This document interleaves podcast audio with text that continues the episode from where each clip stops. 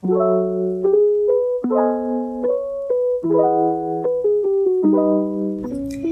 everyone, welcome back to Vox Animlex, podcast seputar kehidupan uh, perkuliahan hukum. Kita masih di season 2 kita, di mana kita akan membahas tentang uh, career path ketika telah uh, graduate dari law school. Kemudian hari ini kita tuh bakal punya guest star yang super super special.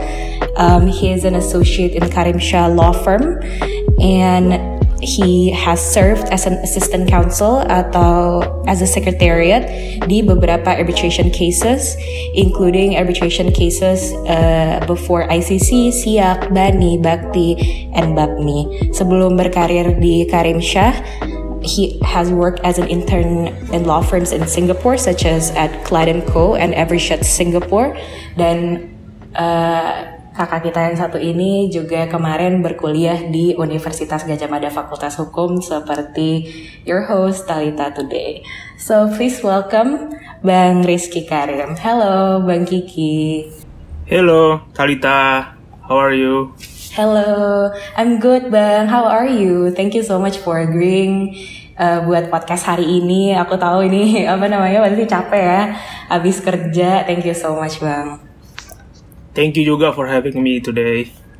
Oke, jadi nih bang sebenarnya tujuannya podcast ini tuh karena banyak banget nih uh, apa namanya nanti lulusan-lulusan ke depannya di Fakultas Hukum di mana aja yang pengen berkarir sebagai uh, dispute lawyer ya karena apa namanya uh, emang kalau misalnya menjadi dispute lawyer kan kadang-kadang ada uh, apa namanya ada bukan prejudis sih, tapi apa namanya ada kesepahaman kalau misalnya mereka yang represent klien di court gitu. Nah, ini apa namanya mungkin untuk uh, menjawab uh, kebingungan audience audiensesnya mungkin boleh dijelasin gak sih bang uh, sebenarnya what is it exactly yang menjadi pekerjaan dari seorang dispute lawyer. Seperti apa sih pekerjaannya? Apakah itu kayak di film-film misalnya kayak apa namanya pleading in courts? Boleh dijelasin nggak bang?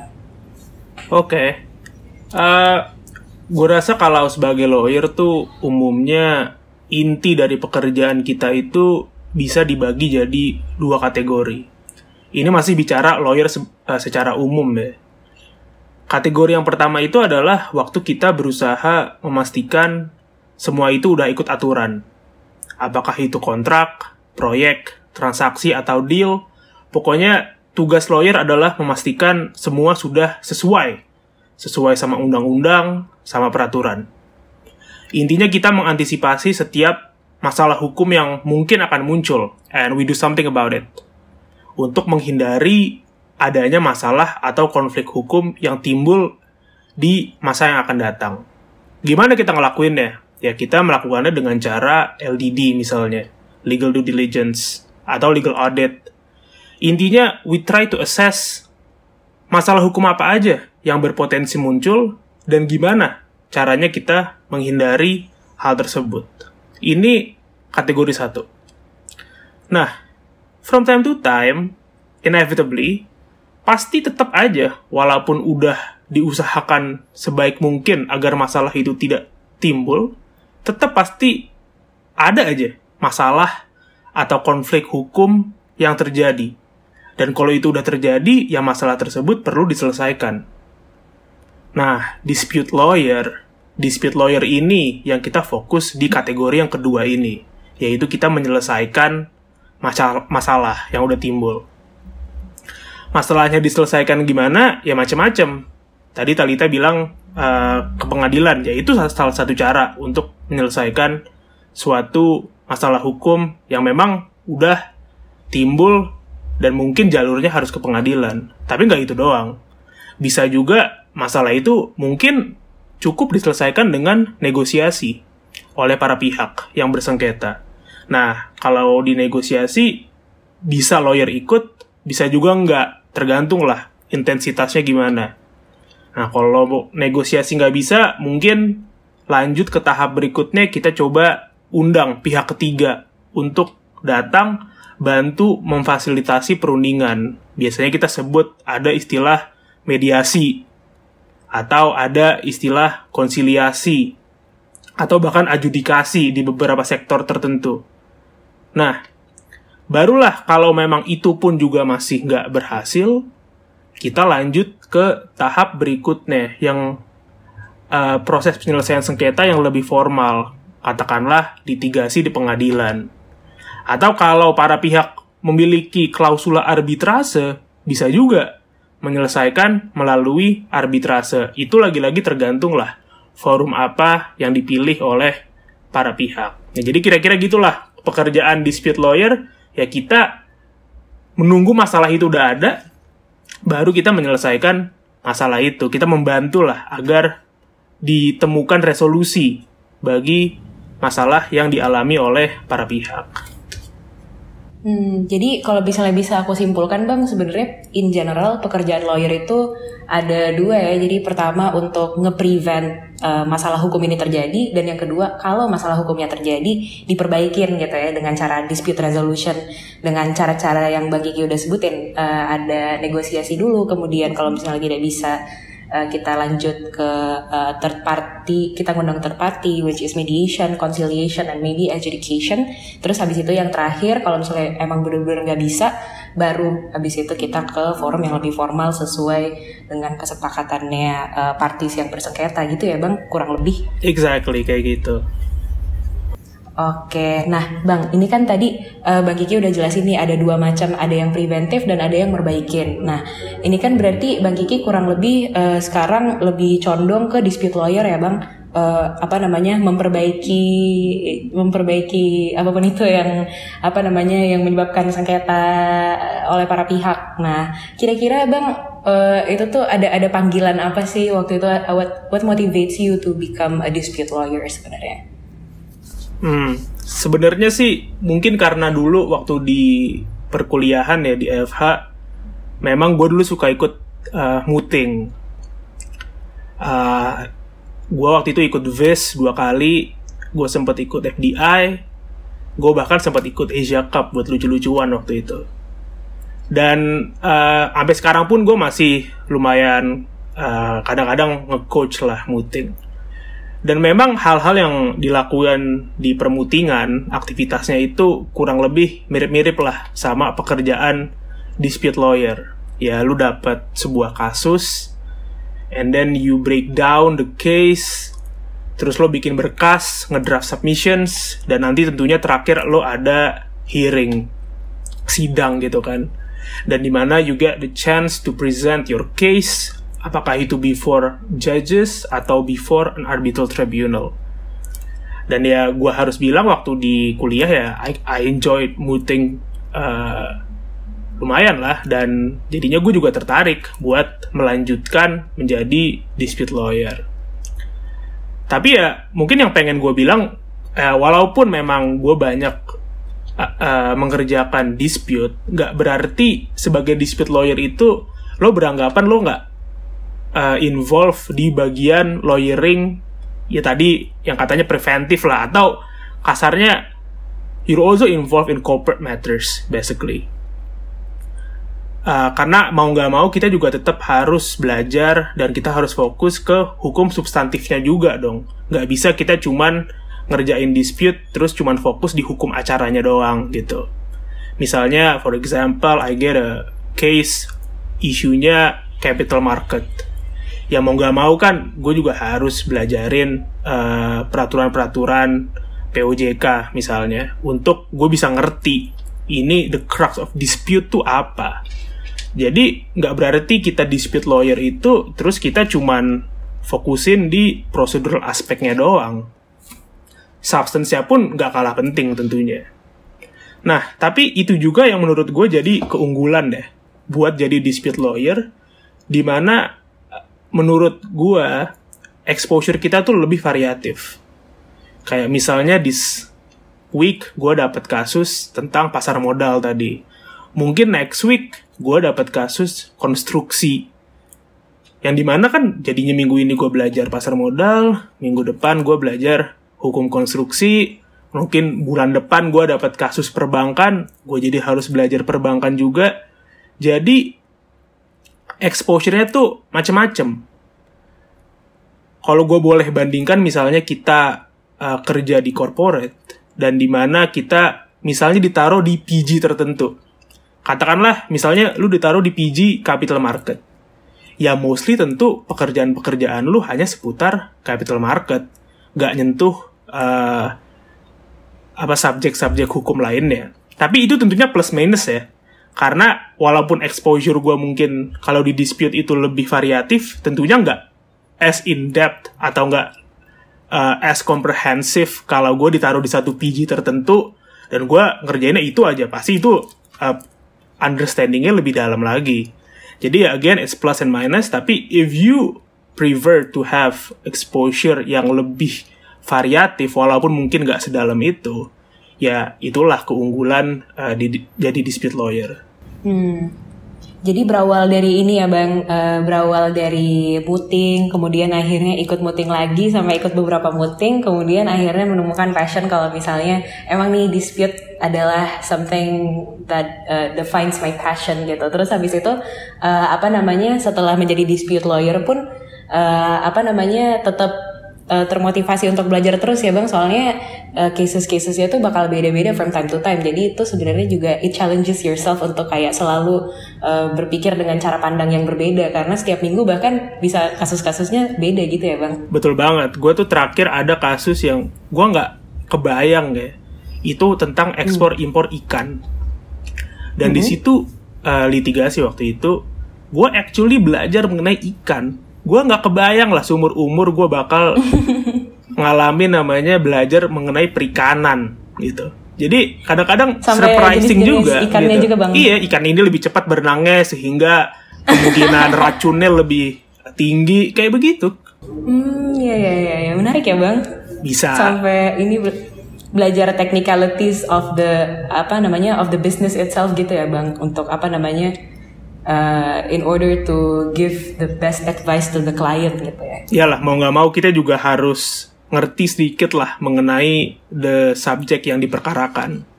Hmm, iya benar benar benar. Harus ini ya, harus uh, paham dari segi bisnisnya juga. Jadi bukan cuma kuat di hukum tapi juga punya commercial sense yang bagus gitu ya, Bang. Iya, betul banget. Nah, uh, apa namanya? Karena tadi kita udah ngobrol tentang motivasi Bang Kiki menjadi seorang dispute lawyer. Terus habis itu tadi di pertanyaan pertama kan kayak ada miskonsepsi gitu kan. Kadang-kadang orang-orang ngiranya kalau misalnya dispute lawyer itu cuman ya udah nge-represent uh, before a court or maybe an arbitral tribunal gitu pleading for the parties. Tapi sebenarnya nih bang kayak denger-denger uh, apa namanya sebenarnya proses yang lebih panjang itu uh, proses draftingnya terus habis itu bolak-balik PN-nya gitu. Itu kan sebenarnya juga bagian dari pekerjaan dispute lawyer ya bang. Kira-kira boleh dijelasin lagi lebih lanjut gak bang? Kira-kira common misconception uh, of a dispute lawyer?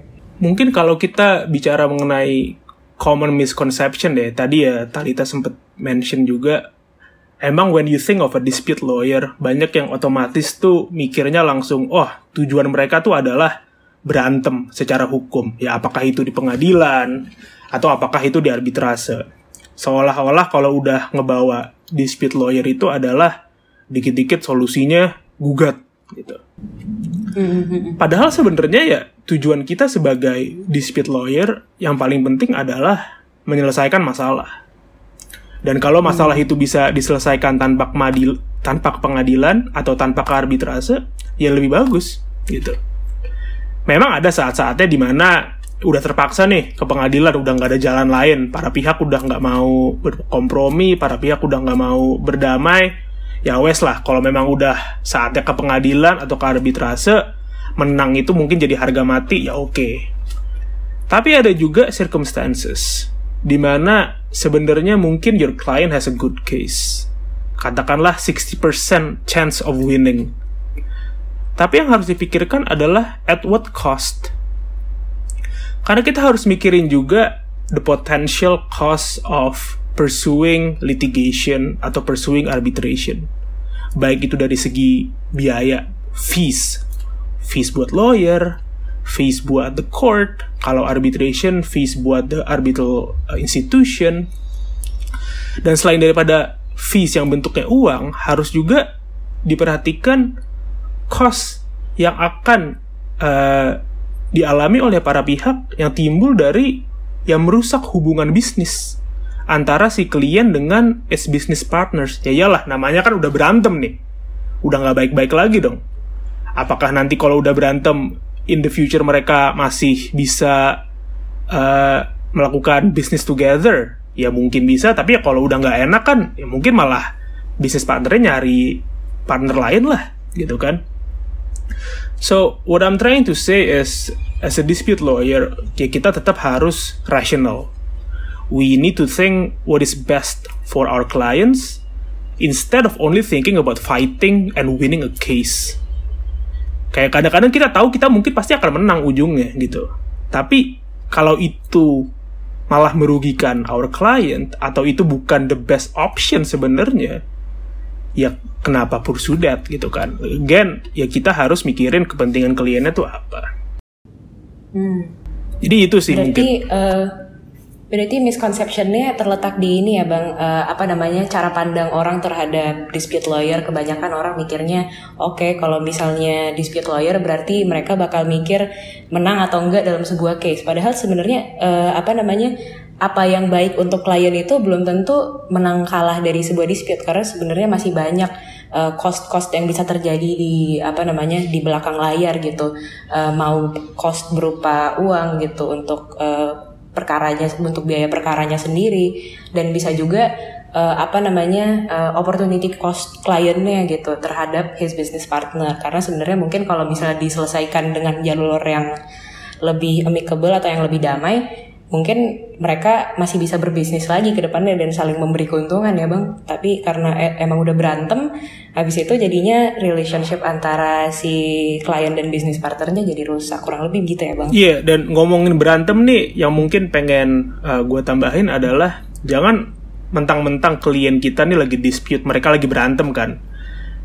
Bukan -hmm. berarti kita sebagai lawyer itu kita juga ikutan merasa lagi berantem sama lawyer lawan. Iya iya benar-benar. Ya nggak gitu gitu. Kita kan di sini hanya ngebantu klien ya untuk mendapatkan resolusi yang terbaik. Jadi misalnya kalau klien kita ini udah uh, hostile atau klien kita ini udah penuh emosi, ya nggak berarti kita harus gitu juga. As lawyers, we're not fighting against each other. Jadi I had a case a couple of years ago di mana the opposing counsel is adamant to basically trying to say everything uh, against us gitu loh. Jadi kita bilang A, dia bilang B. Dia pokoknya bener-bener kita minta apa, mereka nggak setuju. Yang di mana dia nggak kooperatif banget jadinya. Nah, maksud gue adalah kayak maybe sometimes that kind of tactic uh, can work gitu. Kalau emang itu diperlukan.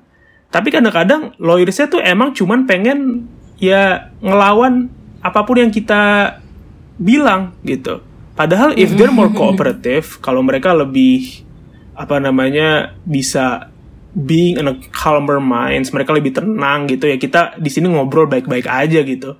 Malah mungkin kita bisa ngedapetin resolution yang quicker dan ya lebih baik buat klien kita juga gitu.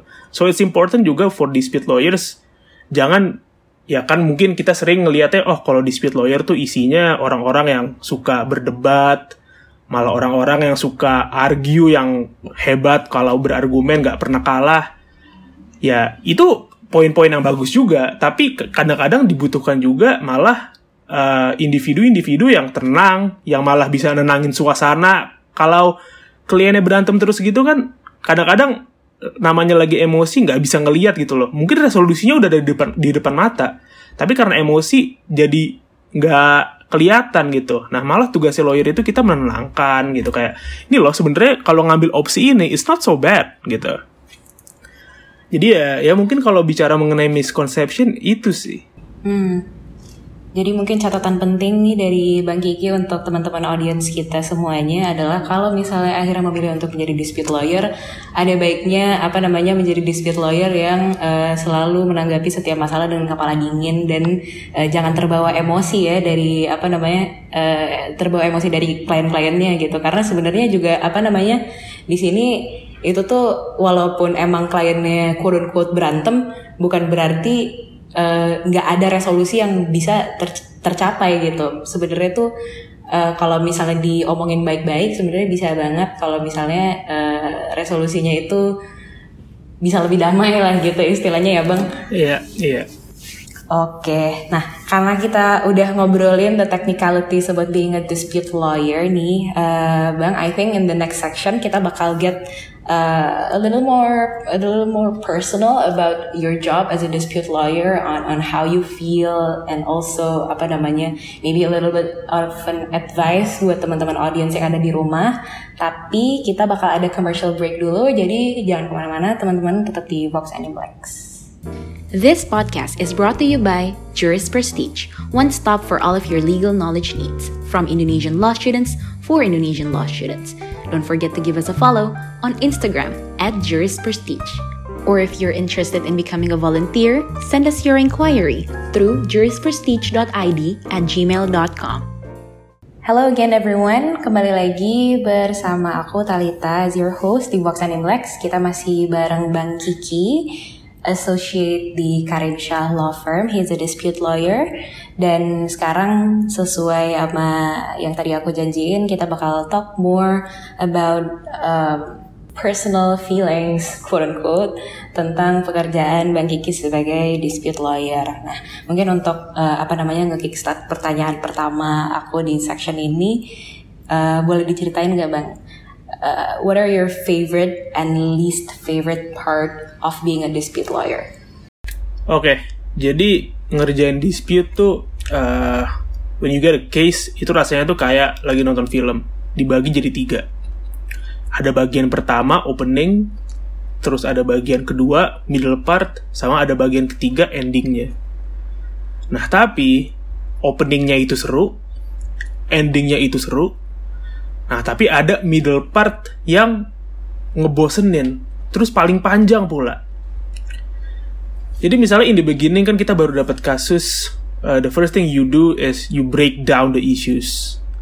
Uh, kalau lo sebagai claimant, uh, kita bikin argumen-argumen yang kuat kira-kira apa aja. Kalau kita jadi respondent, jadi pihak yang digugat, kita mikirin gimana nih caranya ngebales argumen lawan.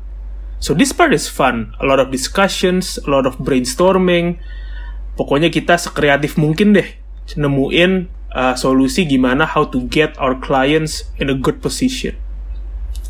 Nah, terus di bagian akhirnya, ini I'm referring to waktu kita sidang. Kita hadir di depan majelis hakim atau di depan majelis arbitrase and we get to present and argue our case. Dan kalau ada saksi atau ahli yang dilibatkan, kita juga bisa ngelakuin cross examination. Nah, ini lot of actions lah di sini and I think that can be fun too.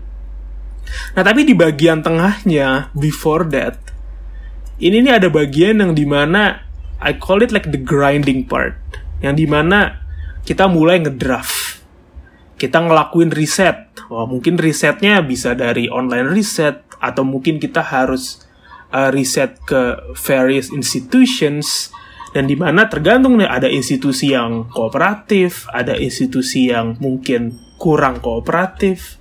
Abis itu nanti abis itu kita harus bikin submissions, and then there are a lot of revisions. Apalagi kalau kita baru mulai ya, kita sebagai young lawyers, ya kita kan submit the draft to our seniors or to the partners. Nanti di revise, terus kita ulang lagi. So, ini bagian yang sebenarnya paling penting ini dispute di mana di sinilah bobot pekerjaan kita.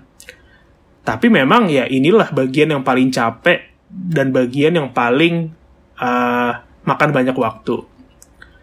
Ya bayangin aja, depending on the complexity, gugatan tuh bisa puluhan atau bahkan ratusan halaman gitu kan. Terus abis kita bikin gugatan, nanti mungkin setelahnya kalau litigasi ada replik terus ada uh, kesimpulan. Di mana pasti itu nanti akan ada banyak pengulangan gitu. Karena ya memang buktinya sama ya fakta-faktanya itu itu lagi gitu kan jadi di sinilah emang kita harus ngegrind dan kita harus kuatin agar kita akhirnya bisa lanjut ke tahap berikutnya di mana tahap sidang tadi uh, udah gue sempet mention jadi ya kalau mau bilang favorit sama list favorite sih paling itu ya Sama kalau ngomongin least favorite ya, uh, the worst thing by far when it comes to litigation di Indonesia itu adalah there's a lot of waiting. Ada banyak nunggunya.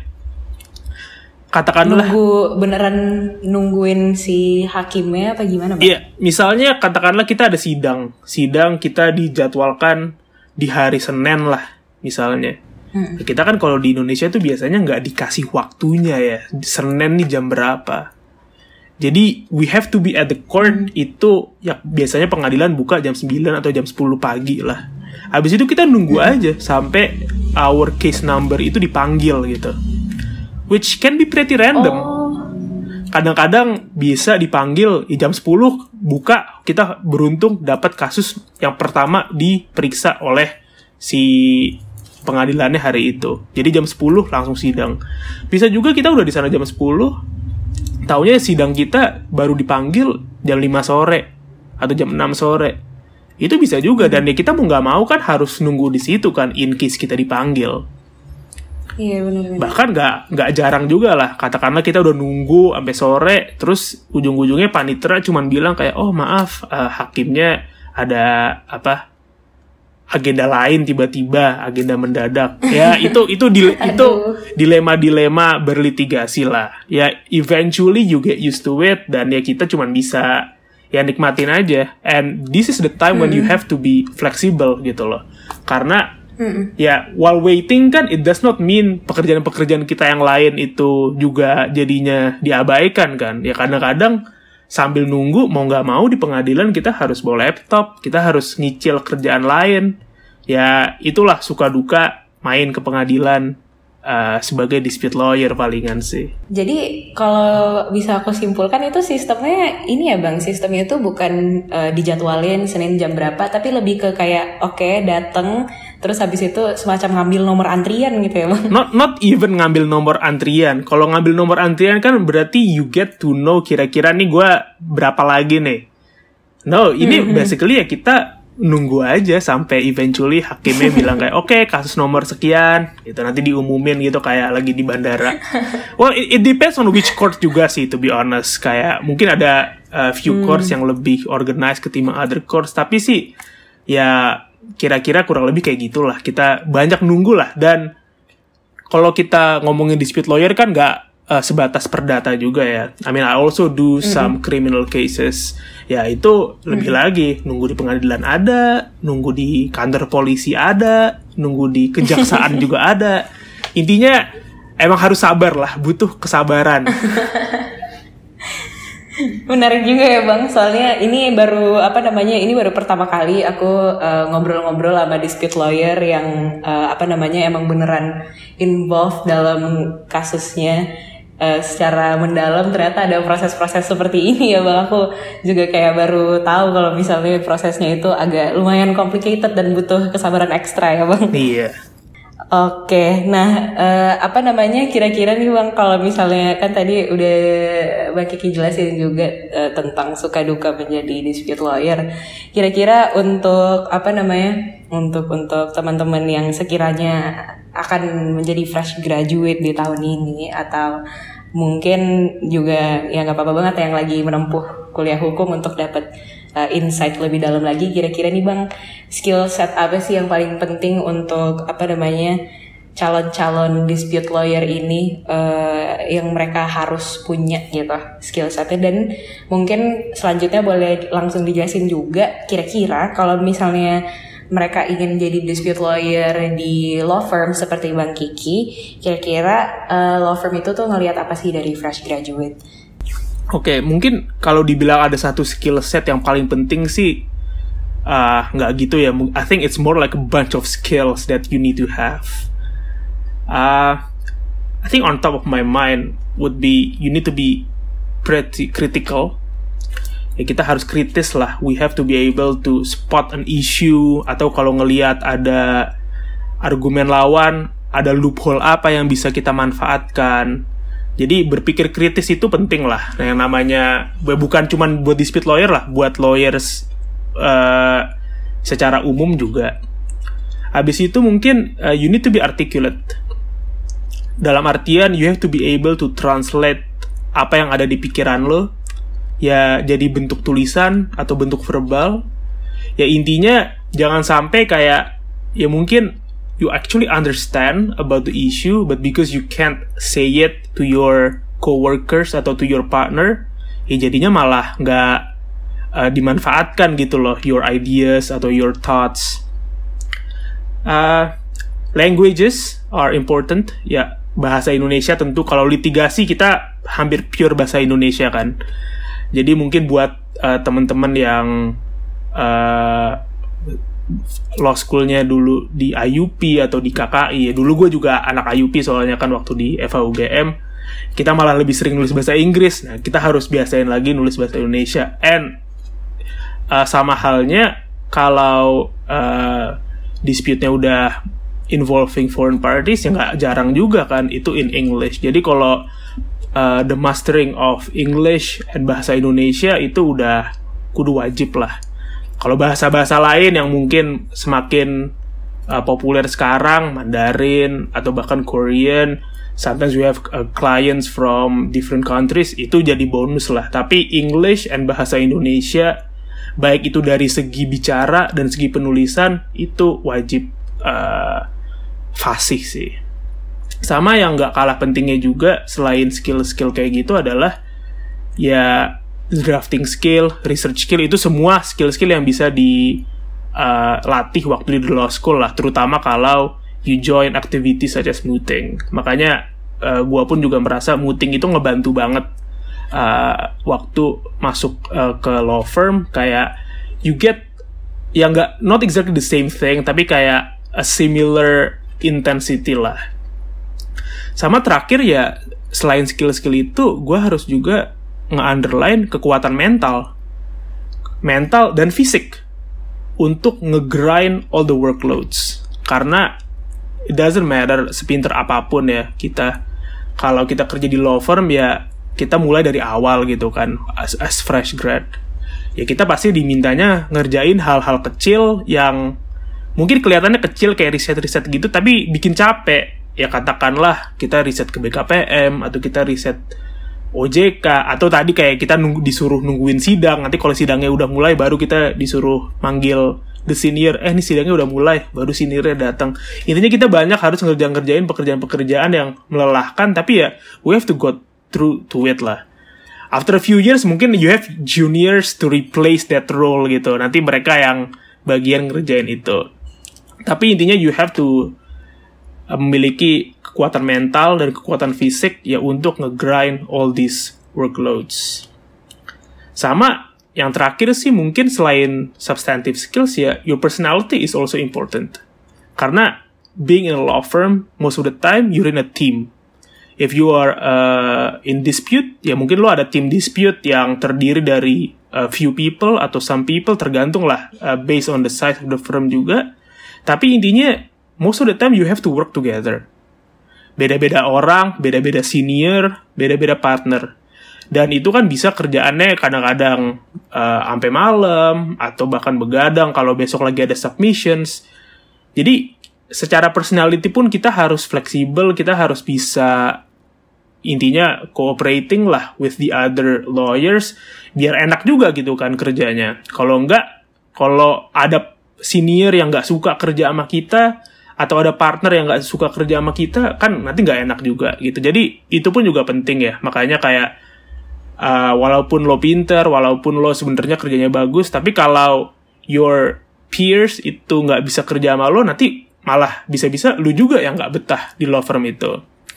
Jadi ya itu mungkin bukan skill ya tapi something to consider juga. Karena mau nggak mau pasti you working with a team biasanya. Jadi penting juga kita uh, memperhatikan apakah kita bisa get along sama our uh, peers di the law firm. Oke, ini komprehensif banget ya jawabannya bang. Jadi teman-teman itu tuh nggak ada skill yang apa namanya yang menonjol kayak satu skill yang paling menonjol, tapi it's a bunch of skills yang teman-teman semuanya tuh harus punya gitu. Pertama harus apa namanya harus uh, kritik critical thinking skillnya harus ada. Yang kedua kemampuan berbahasa Indonesia dan berbahasa, Inggris minimal. Uh, terus habis itu yang ketiga uh, bisa komunikasiin their thoughts to their friends karena kadang-kadang you have ideas on your mind tapi you don't know how to communicate it. Jadi uh, apa namanya untuk bikin your friends ngerti itu juga adalah skill yang penting. Terus habis itu uh, yang keempat mungkin uh, apa namanya ini ya uh, mental dan fisik juga. Terus habis itu yang kelima drafting and research. Terus habis itu on top of that itu kan tadi apa namanya skill-skill yang bisa uh, mengasah diri sendiri secara substantif. Tapi the chair on top would be personality karena tanpa personality you might be facing hardship in ini ya bang apa namanya uh, connecting with your peers. Nanti kalau misalnya nggak bisa apa namanya blend in sama timnya, jadinya nanti ujung-ujungnya nggak betah juga. Kurang lebih gitu ya bang. Exactly. Oke, nah ini tuh tadi uh, apa namanya ada ada poin yang menarik nih uh, dari uh, the the the a bunch of skills yang tadi Bang Kiki udah jelasin. ini tuh kan kita menjadi lawyer tuh harus kuat secara fisik dan mental ya Bang, karena uh, apa namanya banyak tuntutan pekerjaan yang kadang-kadang tuh mendesak dan kayak kadang-kadang require kita untuk begadang juga. Nah, uh, itu tuh kemarin di podcast yang uh, dua podcast sebelumnya itu tuh aku ngobrol-ngobrol sama Travis yang kemarin uh, uh, telah menjalani internship selama tiga bulan di sebuah law firm. Nah, kemudian di situ tuh uh, aku nanya kalau misalnya apakah uh, this career itu adalah long term career for you. Kayak do you think that lawyering is a long term career path for you? Nah gitu. Terus habis itu kata Travis menurut dia tuh iya dan tapi dia ngasih catatan kecil tap, uh, itu tuh tapi bukan for everyone. Nah what do you think about that notion bang? Kayak lawyering is not for everyone. Do you think that's correct? Atau kayak do you think that sebenarnya everybody can be a lawyer gitu Well, I think every everything is not for everyone, gak sih? It just depends on what kind of person are you, uh, what are your priorities, dan uh, what do you want to achieve in terms of your career. Dan ya, when we're talking about lawyering, ya I have to agree that it requires a certain passion lah for you to become a lawyer and actually enjoy it. Karena kalau nggak passionate juga, ya pasti ada saatnya di mana lawyering can get very tiring, it can get very boring. Jadi if you don't have the passion for it, ya lama kelamaan pasti nanti juga you wouldn't be having too fun with it. Ya lu juga jadi nggak enjoy yourself lah. Dan mungkin jadi and it might actually impact your work performance juga kalau you're not happy doing uh, lawyering Uh, tapi at the same time ya menurut gue juga it does not necessarily mean that you're in law school terus it becomes mandatory for you to become a lawyer gitu loh. Kayak just because you see all of most of your friends mereka mungkin mulai karirnya dengan uh, lawyering uh, di law firm jadi you also have to do that terus lu mikir kayak ah gue sayang banget nih kan udah punya SH masa gue nggak jadi lawyer ya kalau menurut gue sih at this kind of age, there are so many other options gitu in which you can utilize your low degree. Apakah itu lo bisa kerja sebagai in-house counsel di perusahaan-perusahaan atau lo kerja di institutions, apakah itu governmental institution atau you working in a dispute resolution institutions itu juga banyak. Jadi uh, kalau dibilang lawyering is not for everyone, in a way I agree because again ya everything is not for everyone lah. It depends on what kind of person are you. Ya kalau emang what you really want is just katakanlah prioritas lo adalah mendapatkan uang sebanyak mungkin. Ya I'm sure ada pekerjaan-pekerjaan selain lawyering yang can offer that opportunity. Atau misalnya pekerja uh, your priority adalah uh, misalnya to work while doing some other things on the side uh, biar lu punya a lot of flexible time. Ya mungkin ada pekerjaan-pekerjaan selain lawyering yang uh, give you that opportunity. Tapi kalau emang yang what you want is you know lawyering dalam artian belajar mengenai hukum assisting clients you know uh, kalau kita ngomongin dispute lawyer ya you to appeal before court or to argue your case before a tribunal ya maybe lawyering can be a long term career for you. Tapi memang to get to that stage ya it takes time gitu. When you start in the bottom lu fresh grad ya mungkin pekerjaan-pekerjaan lu yang dikasih adalah ya disuruh riset disuruh ngedraft ya mungkin kan nggak mungkin juga. Lu baru fresh grad terus lu langsung diminta nge-argue a case before a court. Probably not. Probably it takes some time lah jadi uh, emang harus banyak sabarnya lah before you get to the stage di mana you can fully uh, become a lawyer yang di mana you get to decide apa yang harus dilakukan kira-kira apa the best strategy. Tapi ya intinya if you don't have passion before you get to this stage it will be quite difficult for you. Jadi emang lu harus ada a particular passion lah di situ. Biar lu bisa enjoy a career as a lawyer. Hmm, oke. Okay. Berarti uh, in summary jawabannya adalah oke okay, it's not for everyone karena emang sebenarnya at the end of the day every uh, apa namanya gak emang gak semua hal itu for everyone gitu. Jadi uh, kalau misalnya you have at least the passion to do so, then apa namanya you have to ya udah sabar aja untuk mengikuti prosesnya sampai you become a lawyer that is capable of making big decisions for your client gitu ya bang? Iya, karena emang uh, it's not a it's quite common knowledge lah kayak starting as a lawyer it can be quite tough Uh, but it also depends lah kira-kira on what kind of firms you're in, what kind of environment you're in. Uh, so to have a supporting environment itu juga is very helpful gitu. Kayak if you're working with people that you get along, of course it's much easier kan. Jadi hal-hal kayak gitu yang mungkin uh, bisa diperhatikan juga ya when you start uh, working as a lawyer as a fresh grad. Karena emang ya it can be tough sometimes, tapi if you like it ya you wouldn't mind it too much lah.